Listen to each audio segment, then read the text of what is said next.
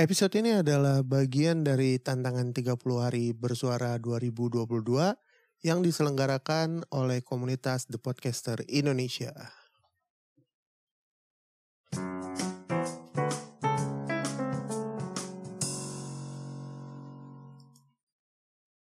Ah, hari ke-8. Tapi mohon maaf saya terlambat mengupload ini. Karena satu dan lain hal saya kelelahan dan saya tidak mengupload di hari ke-8. Oke, seperti yang kalian baca di judul, untuk episode kali ini gue mau ngebahas tentang film Joker. Karena kebetulan kalau nggak salah gue belum pernah bahas film Joker di Movie Corner Indonesia. Jadi seperti biasa dan langsung aja kita bahas film Joker.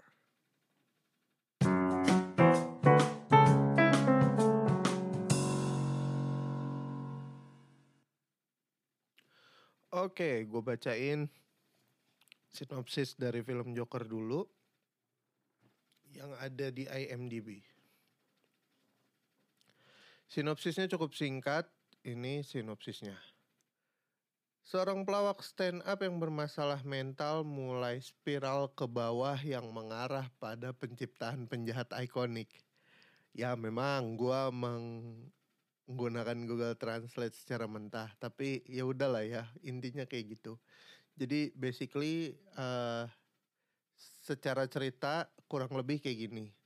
Seorang pelawak uh, stand up komedian gitu ya yang punya masalah mental dan hidupnya tuh mulai turun turun turun dan hingga akhirnya ngebikin dia menjadi seorang penjahat atau musuh yang ikonik kayak gitulah. Nah, film Joker ini kalau di IMDb mendapatkan rating yang sangat bagus ya. 8,4 per 10 dan yang ngasih rating ini ada total 1,3 juta orang. Gue sangat amat setuju. Bahkan rating pribadi gue beda tipis yaitu 8,5. Kenapa uh, gue sangat setuju? Karena film ini sangat amat kompleks.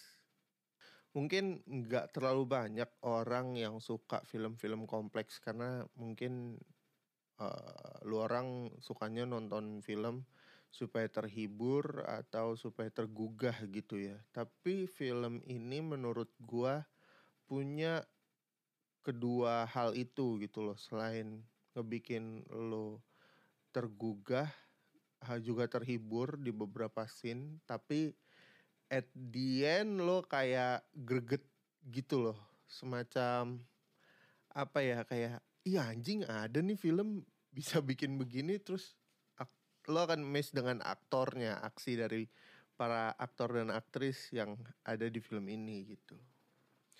And by the way, gue lupa nyalain background, sorry sorry sorry.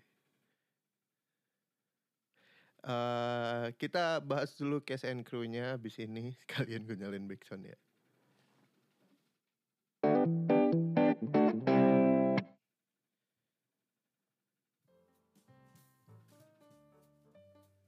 Nah, untuk cast and crew dari film Joker disutradarai oleh Todd Phillips, ditulis oleh Todd Phillips dan Scott Silver. Terus based on karakter Bob Kane, Bill Finger, and Jerry Robinson.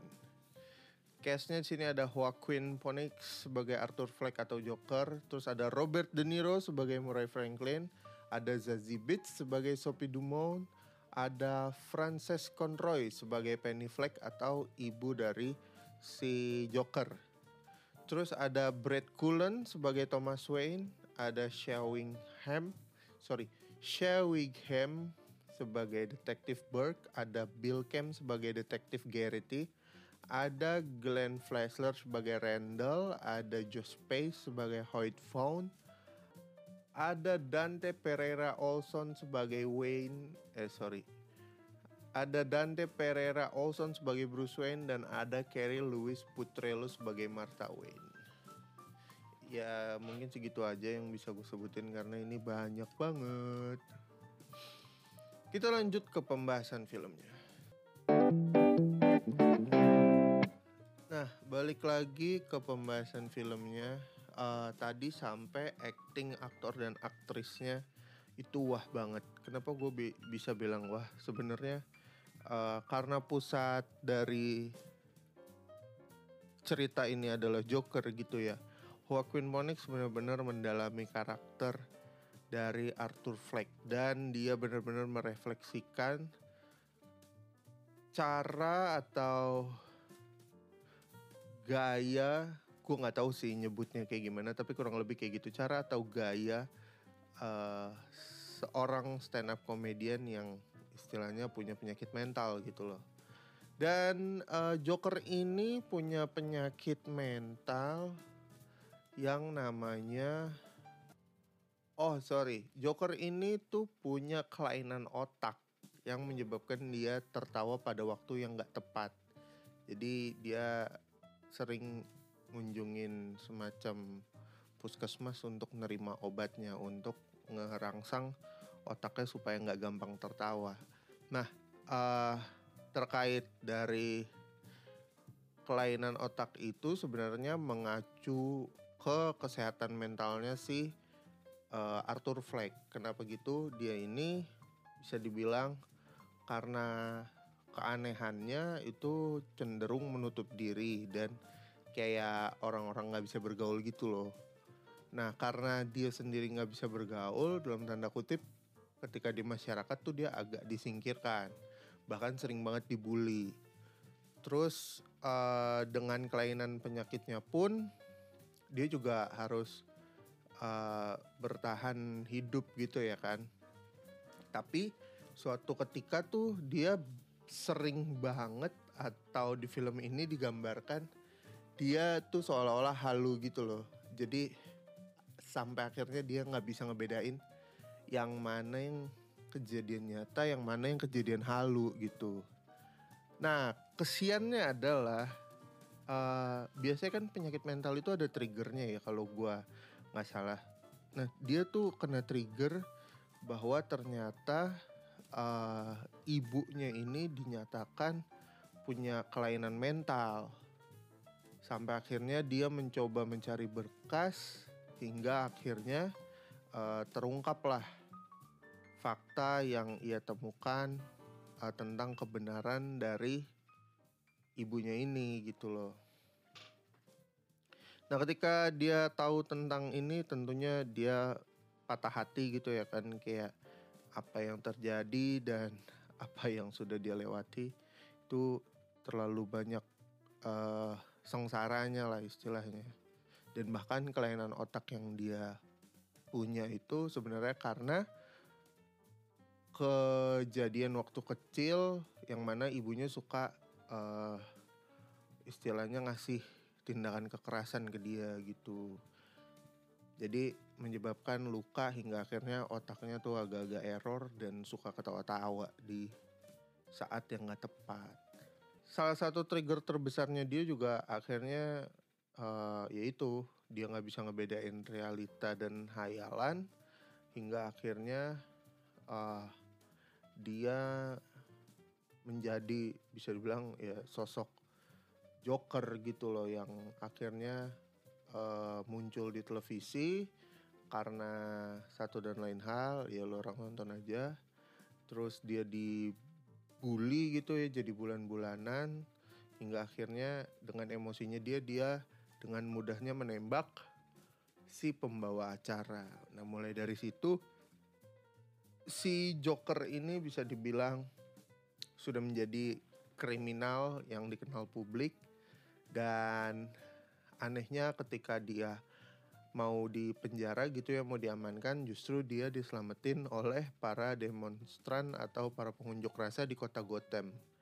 Dan ketika dia uh, ditaruh gitu ya di atas uh, mobil waktu dia pingsan habis diselamatin pas dia bangun siuman justru orang-orang kota Gotham atau si demonstran dan pengunjuk rasa ini menyambut dia dengan gegap gempita dan dilanjutkan dengan tarian khas dari Joker versi Joaquin Phoenix ini. Nah, by the way, uh, versi Joker Joaquin Phoenix ini cukup ikonik ya. Dan menyita perhatian ketika rilis. Banyak banget sejujurnya temen gue yang bisa dibilang pada nggak ngerti ketika nonton film ini. Gue juga sebenarnya nggak terlalu ngerti, tapi ketika gue nonton ulang kedua dan ketiga kali, gue baru ngeh gitu loh, baru dapet oh ini tuh maksudnya gitu. Memang saya belum terlalu uh, jago lah menginterpretasikan untuk uh, khususnya pesan-pesan yang ada di film gitu ya.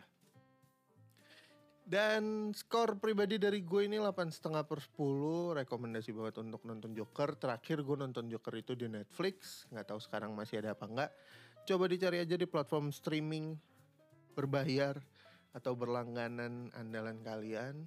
Sampai di sini pembahasan kita tentang Joker untuk episode mental health. Sampai ketemu di episode selanjutnya. Gue Sanlimana pamit. Ciao